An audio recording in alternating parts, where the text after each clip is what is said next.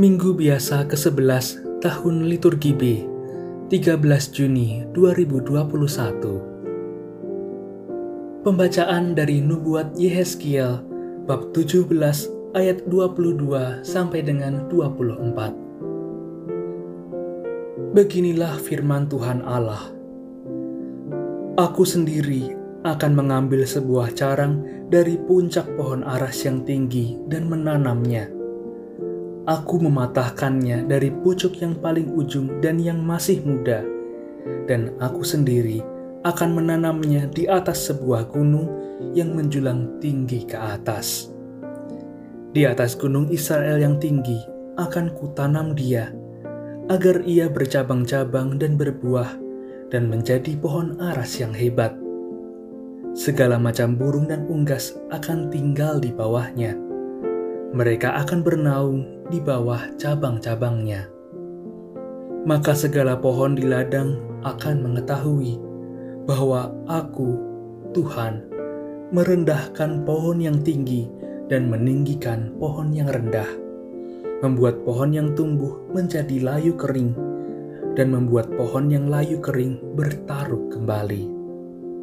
Aku, Tuhan, yang mengatakannya dan akan membuatnya. Demikianlah sabda Tuhan.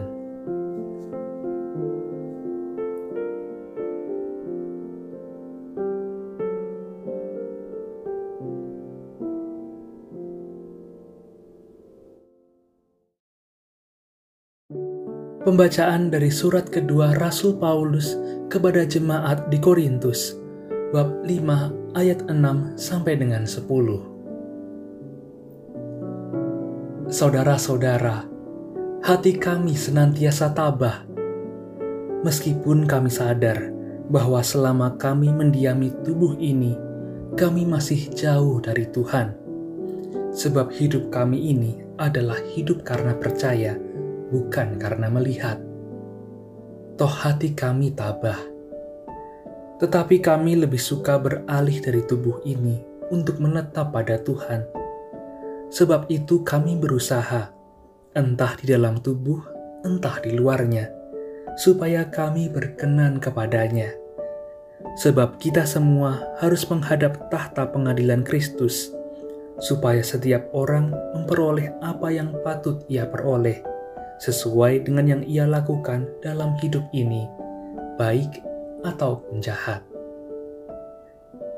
Demikianlah sabda Tuhan.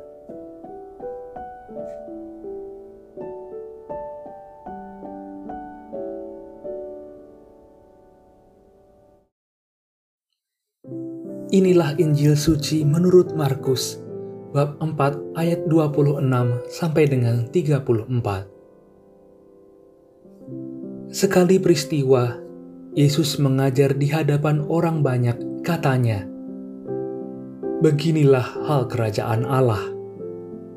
Kerajaan Allah itu seumpama orang yang menaburkan benih di tanah. Malam hari ia tidur, siang hari ia bangun dan benih itu mengeluarkan tunas, dan tunas itu makin tinggi. Bagaimana terjadinya, orang itu tidak tahu. Bumi dengan sendirinya mengeluarkan buah, mula-mula tangkai, lalu bulir, kemudian butir-butir yang penuh isi pada bulir itu.